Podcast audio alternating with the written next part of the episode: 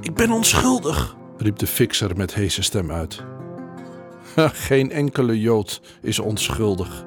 We zijn volkomen op de hoogte met jullie revolutionaire doeleinden.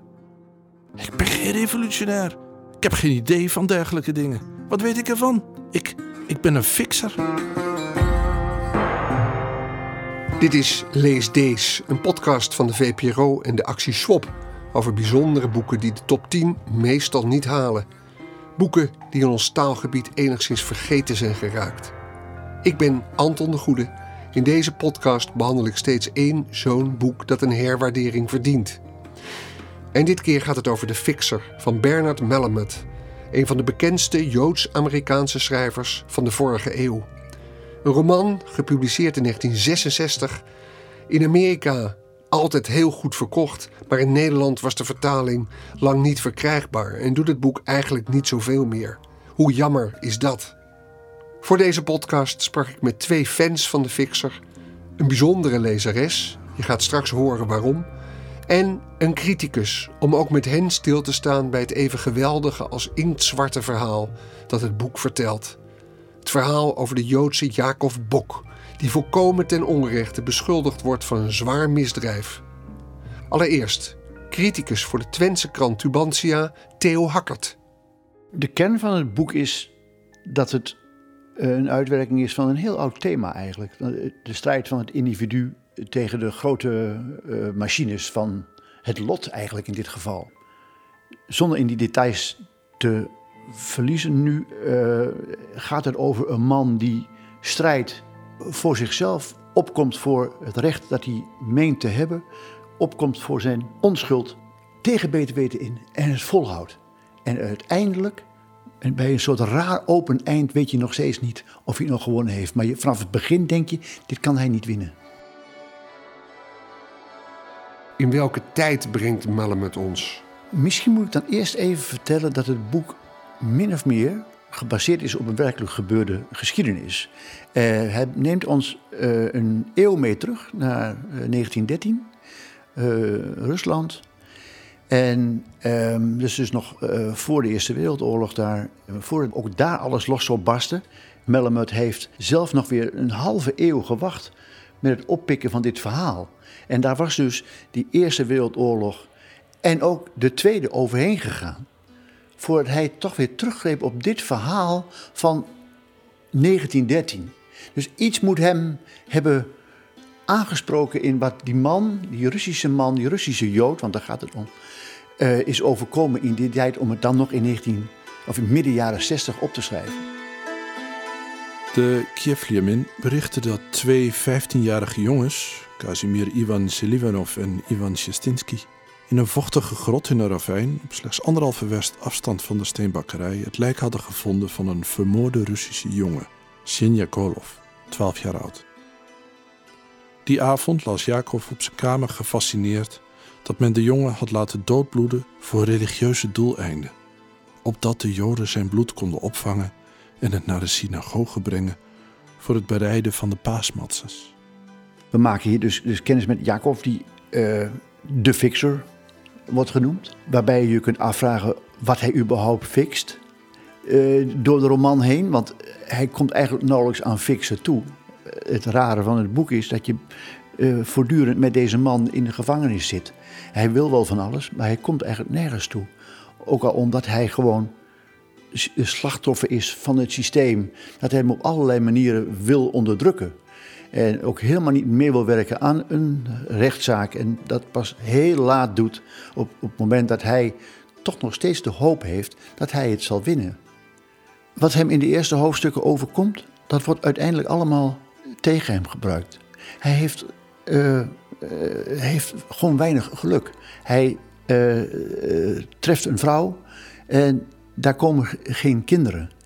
En ehm, uiteindelijk besluit hij dan maar eh, weg te gaan. Er komt een prachtige scène in voor waarin hij zich door de veerman, hoe symbolisch wil je het hebben, over de rivier laat zetten om in Kiev zijn, zijn geluk te zoeken.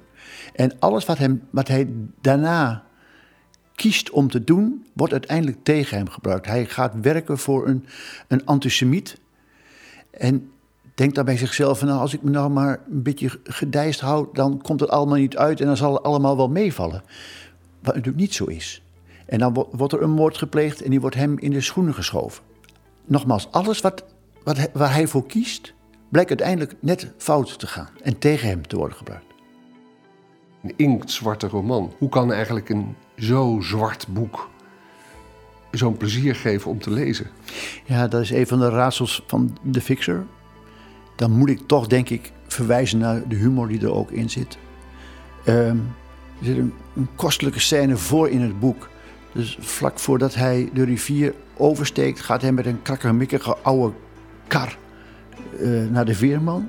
Ondanks dat hij fixer is, kan hij niet weer het wiel uh, op, terug aan de, aan, uh, aan de kar plaatsen als het eraf valt. En dan valt hij eraf in een zeer komische scène en dan roept hij uit, terwijl hij nog op de grond ligt... Wie heeft mijn leven bedacht? En eigenlijk is dat misschien wel in alle humor een van de sleutelscènes, sleutelzinnen ook in het boek. Wat toch wel aangeeft dat hij toen al, al voor al die rampspoed die nog zou volgen, wel in de gaten had dat er iets was wat hem stuurde waar hij zelf geen vat op had. Wie heeft mijn leven bedacht? Als ik langzaam rijd, kan ik misschien op drie wielen het volgende dorp halen. Hij had de pelgrim ingehaald en wilde net zeggen dat ze niet kon meerijden toen het andere achterwiel zwaar schurend tegen de as ineenzakte. De achterkant van de kar belandde met een krakende plof op de weg. De emmer was platgedrukt. Het paard schokte naar voren, snoof en stijgerde. De fixer zat als verlamd, zijn lichaam hachelijk achterwaarts hellend. Ten slotte klom hij van de kar. Wie heeft mijn leven bedacht?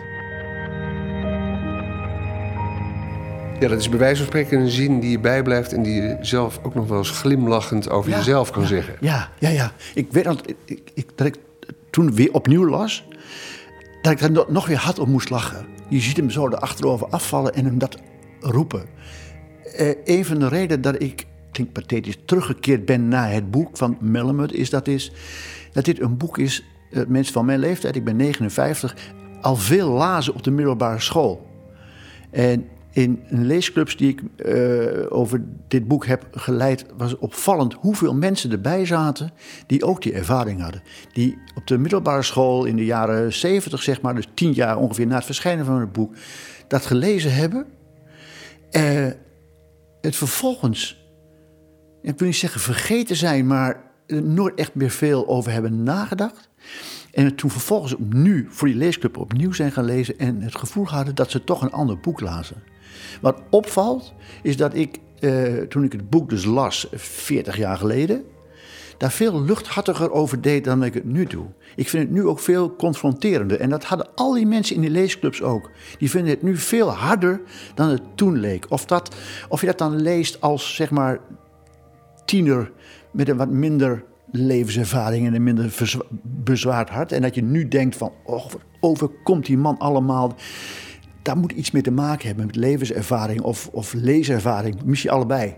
Maar dat was fascinerend om dat te horen. Dat iedereen diezelfde ervaring had.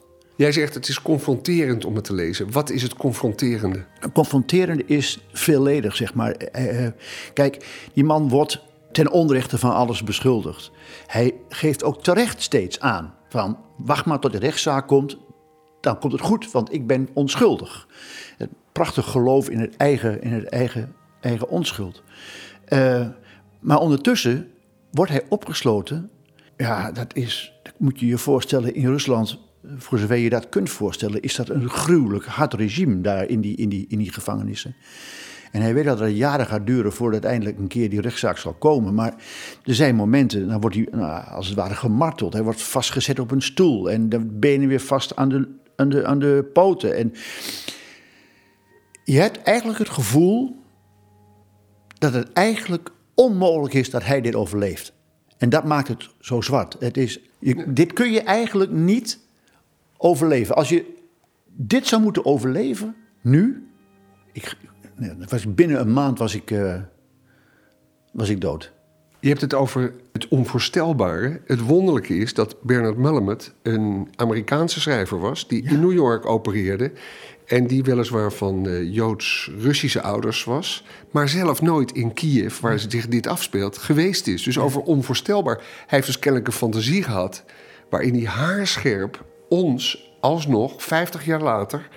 wijst op de details. Het is ongelooflijk. Ja. Ja, maar dat heeft toch ook iets te maken toch met de magie van het schrijven.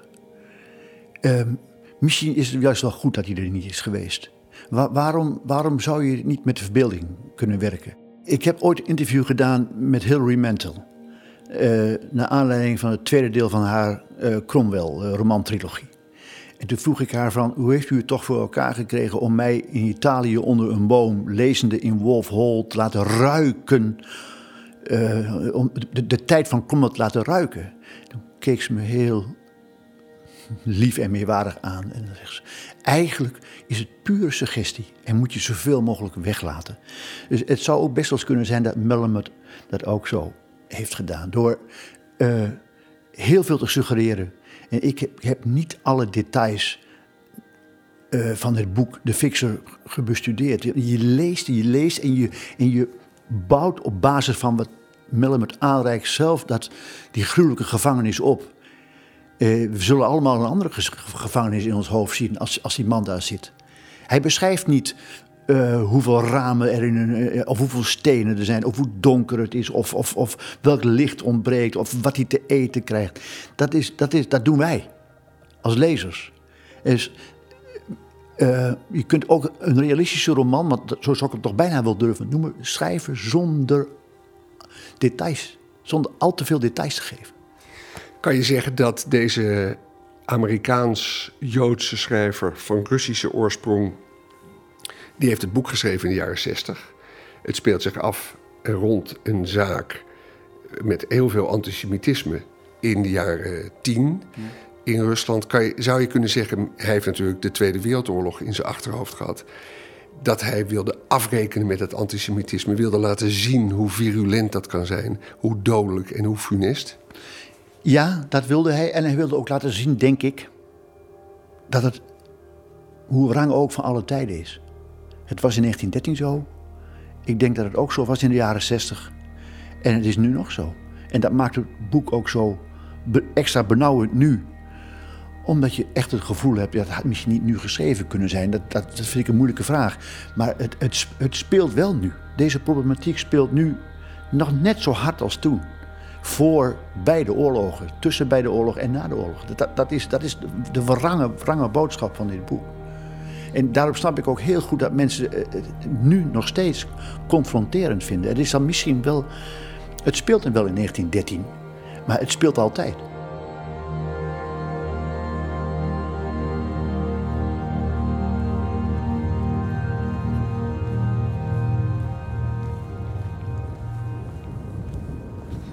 In Edam, vlak bij de haven, woont Sigrid van Dieren. En zij deed onlangs mee aan een leesclub in Purmerend. Boekhandel Het Leesteken. Daar ging het over de fixer. En ik ga aan haar vragen, bijvoorbeeld of zij ook vindt dat het boek het van de humor moet hebben. Dat zwartgallige boek.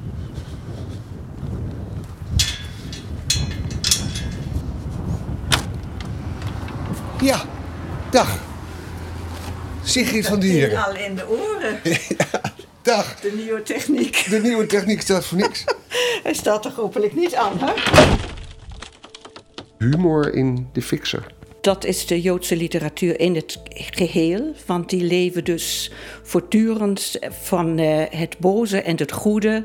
En het leven is, het gaat erom dat je het boze en het goede bij elkaar doet. Dat is zwarte, is er altijd bij. Dus je gaat op een gegeven moment wordt het zo zwart dat je alleen maar als een soort humor, als een bittere humor, daaraan kan twijfelen en realiseer je je dat je in het zwarte gat zit en dan moet je iets tegenover gooien. En dat is dan de humor. Ach god, wat heb je nou weer voor mij verzonnen? Van het leven valt ook niet mee, want het leven is één groot wiel wat doordraait. Ze blijkt er een bijzondere associatieve vertelwijze op na te houden. En je bent een spaak daarin. En je kan het alleen maar als het zo zwaar is, kun je eigenlijk alleen maar met de humor dat overheen gaan. En dat red je dan uit de ellende. Dus dat is voor mij het Joodse verhaal op zichzelf. Ja. En ook zo'n uitspraak als wie heeft mijn leven bedacht, vindt u eigenlijk komisch? Ja, maar dat is inderdaad toch wel die, die, die, die, die Spinoza-aspecten daarin. Want Spinoza heeft dus op een gegeven moment de God weggehaald en alles in het leven als op zich gezet. En dan kom je weer op datzelfde stuk van waarom ben ik hier en wat doe ik hier? En het is het lot om dat leven met alle zwarte kanten en goede kanten aan elkaar te breien. En daar ben jij een onderdeel van. Dus je bent altijd een onderdeel van iets anders het grote leven wat doordraait. Dat wiel draait door. En Jacob, de hoofdpersoon, die heeft inderdaad niet heel veel gelezen, maar wat hij gelezen heeft is onder andere Spinoza. En dat keert steeds terug. Wat is de kern van die filosofie van Spinoza nou, eigenlijk? Spinoza zegt dus, uh, die gaat dus denken en, en zien, het, het, eh, het zintuigelijke en dat denken, dat is één bij hem. En daarna ga je reflecteren. Dus in eerste instantie ben je, ga je heel intuïtief, ik zie een vogel en die gaat vliegen. En dan ga je reflecteren en binnen het reflecteren, dus het is niet zoals Descartes die iets ziet en verklaart het al. In eerste instantie komen ze alle twee binnen, ook het denken. Dat is heel primitief, wat die Russen hebben. Daar staat een rode jam met bloed, met, met jam en dat is bloed, want dat is hun combinatie. Reflecteren is dat je realiseert dat er een heleboel mogelijkheden voor op, oplossingen zijn. En zo heeft Spinoza denken en zien aan elkaar gezet, twee parallellen. En, daarna het reflecteren gaat het eigenlijk om, dan word je mens. Dan ga je nadenken en dan kan het veel meer betekenen dan alleen maar dat ene wat je ziet. En dat is het doel van het leven. En dan komt de intuïtie daarbij, dat heb ik altijd al geweten. En dat is de moraal die eronder zit. Dus je bent een onderdeel, maar het denken en het zien is parallel. En daarna ga je pas reflecteren. En dat doet hij dus in zijn pure niet weten, maar wel Spinoza gelezen van weten. En hij doet het intuïtief. Er wordt niet de filosofie van Spinoza uitgelegd. Nee, nee, helemaal niet. Maar dat is juist het knappe. Hij laat dus aan het voorbeeld van die krankzinnigheid en die veeldenkerij en die enorme variatie aan mogelijkheden. Hij speelt eigenlijk maar tussen vier, vijf man. En hij speelt alleen maar in een kerk eigenlijk. Dus het is ontzettend knap. Maar dat is de Joodse verteltrand van voortdurend variaties op het onderwerp te blijven en dat reflecteren daar daarop steeds. Ja, dat is ontzettend knap.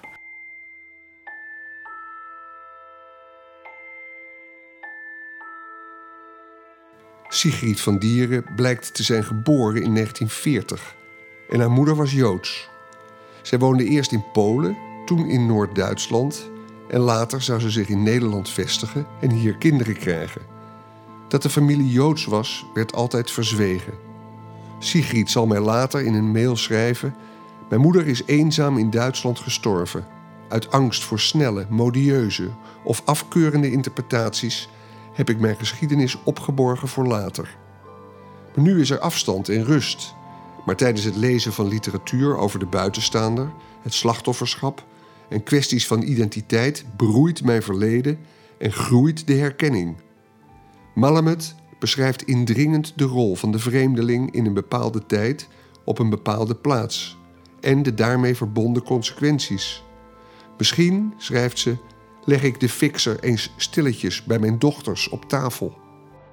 Wat is voor u persoonlijk de waarde van de fixer? Het lot van, uh, van alle mensen dat je je niet zelf zo eh, egoïstisch in het midden zet, dat je altijd ziet dat je een van de velen bent die een lot moet dragen. Jacob is diegene die het lot van mensen moet dragen. En daarvoor is hij uitverkoren. En hij ziet God betwijfelt hij of God dat gedaan heeft. Maar het is wel het leven op zichzelf dat je plaats en tijd. Hij is, je, als mens ben je in een bepaalde plaats, in een bepaalde tijd. Dat is je lot. En dat is ook Spinoza. En wat je daarin beleeft, dat is je leven waar je een mens in moet worden. En dat is dan die intuïtie. Ja, en dat wordt in honderd variaties wordt dat dan uitgeschreven. En dat vind ik bijzonder, ook voor vluchtelingen nu. Het is precies hetzelfde. Kijk, deze cultuur is ons vertrouwd omdat ze Europees is. Midden-Europees, maar wel Europees. Maar er komen nu andere culturen, maar het lot is hetzelfde. Je bent een van de duizenden die in deze tijd op deze manier hun mens zijn moeten invullen. Het is trouwens wel grappig, want u bent oorspronkelijk Duits. Maar u heeft ook in Oxford gezeten. Dus Engels. Dus u, dus u talen Frans, Engels, Nederlands en Duits bent u machtig. En u kiest er dan voor om het in het Nederlands te lezen? Ja, dat doe ik echt omdat ik, eh, als ik enthousiast ben over boeken, dan geef ik ze door.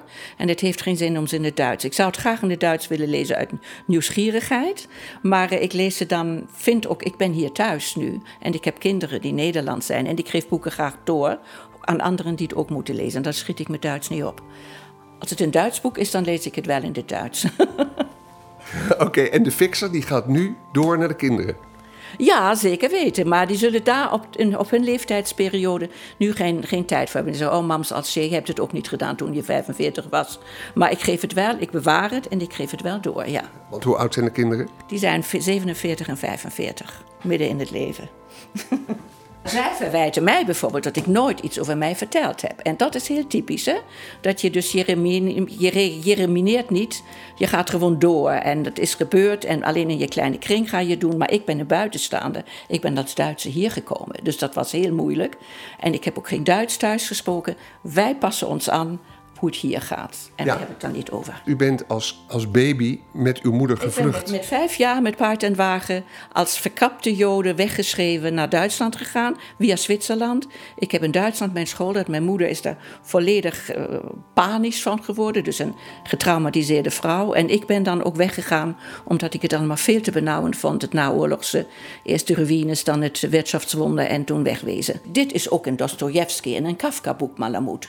Helemaal. Hoe je vermalen wordt in de officiële gang van zaken, ook al klopt die niet. Ik kan mijn verhaal niet kwijt, dat is veel te ingewikkeld. En de ene zegt, oh wat erg, en die zegt, oh, het zal wel. Je begint er niet aan. Want je komt in allemaal interpretaties die, die helemaal niet kloppen. Nou, dat is dit boek ook. Ja, en het goede is dus dat u met uw kinderen een heleboel niet vertelt, maar dat u door dit boek aan hen te geven straks ja eigenlijk indirect een heleboel vertelt. Ja, maar je doet weer precies hetzelfde. Je hebt het daar zelf niet over en het moet door anderen verteld worden. mijn moeder heeft het nooit erover gehad en ik heb het dus met mijn kinderen ook weer niet erover. Dat is een visieuze cirkel die gaat vrij lang door. Zie hier eigenlijk de kern van wat literatuur doet? Ja, het verhaal vertellen wat je zelf niet kunt ja, vertellen. Helemaal. Nou, dat heb je ook met, met Jessica Duurlacher, die vader had die dat dan wel kon. Leon de Winter zijn allemaal mensen die genoeg afstand hebben en weer woorden vinden. En vergeet de Duitse taal is heel besmet. Alle woorden kunnen ook iets anders betekenen. Als je taalgevoelig bent, dan ben je er heel voorzichtig mee. Dat is in het boek ook. Vaak antwoordt hij niet, omdat hij toch weet dat het iets anders wordt. Dat is ook Spinoza. Van, het eerste denken is spontaan. Dat is altijd heel bazaal. Eh, bloed, bloed van kinderen halen. Nou, dat zijn die oude verhalen. Daar stap je eerst in. En dan moet je nadenken. Maar die snelle interpretaties, daar ben je doodsbang voor als je een verhaal hebt. Tot zover. We hoorden na Theo Hackert Sigrid van Dieren en hoe haar geschiedenis nu precies geweest is. Dat verhaal zou eigenlijk eens moeten worden opgeschreven. Hoe dan ook, er is de fixer van Bernard Mellemet, dat naar haar overtuiging een wereld oproept die in zekere zin de hare is en die zij door wil geven. Het boek is vertaald in het Nederlands door het echtpaar M en L Coutinho en afgelopen jaar in herdruk uitgekomen bij Meulenhof. Dank aan Matthijs Deen, Berry Kamer, Alexandra Koch, Eva van Meerten, Randy Vermeulen en de collega's van het programma Nooit meer slapen. Tot zover deze editie van Lees Dees, een VPRO-podcast die aanhaakt bij de actie Swap Schwab is een initiatief van het Nederlands Letterenfonds met maandelijks aandacht voor steeds één literaire vertaling die extra aandacht verdient en waarover presentaties, discussies en leesclubs worden georganiseerd. Reageren op deze podcast kan. Het adres is leesdees.vpro.nl. We streven bij deze podcast naar een maandelijkse frequentie. Door je te abonneren op Lees wat overigens gratis is, krijg je de toekomstige afleveringen vanzelf thuis. Meer informatie is te vinden op vpro.nl lees deze. Maar deze podcast is natuurlijk ook vindbaar in iTunes en Stitcher. Volgende keer gaat het hier over de roman De Ontscheping van Jean Raspail. Een zeer omstreden boek dat ook al erg actueel is, terwijl het werd geschreven in 1973. Over dat boek en over de gehele actie Swap van het Letterenfonds vind je meer via swap.nl gespeld S-C-H-W-O-B. Graag tot horens, tot bij een nieuwe editie van Lees Deze.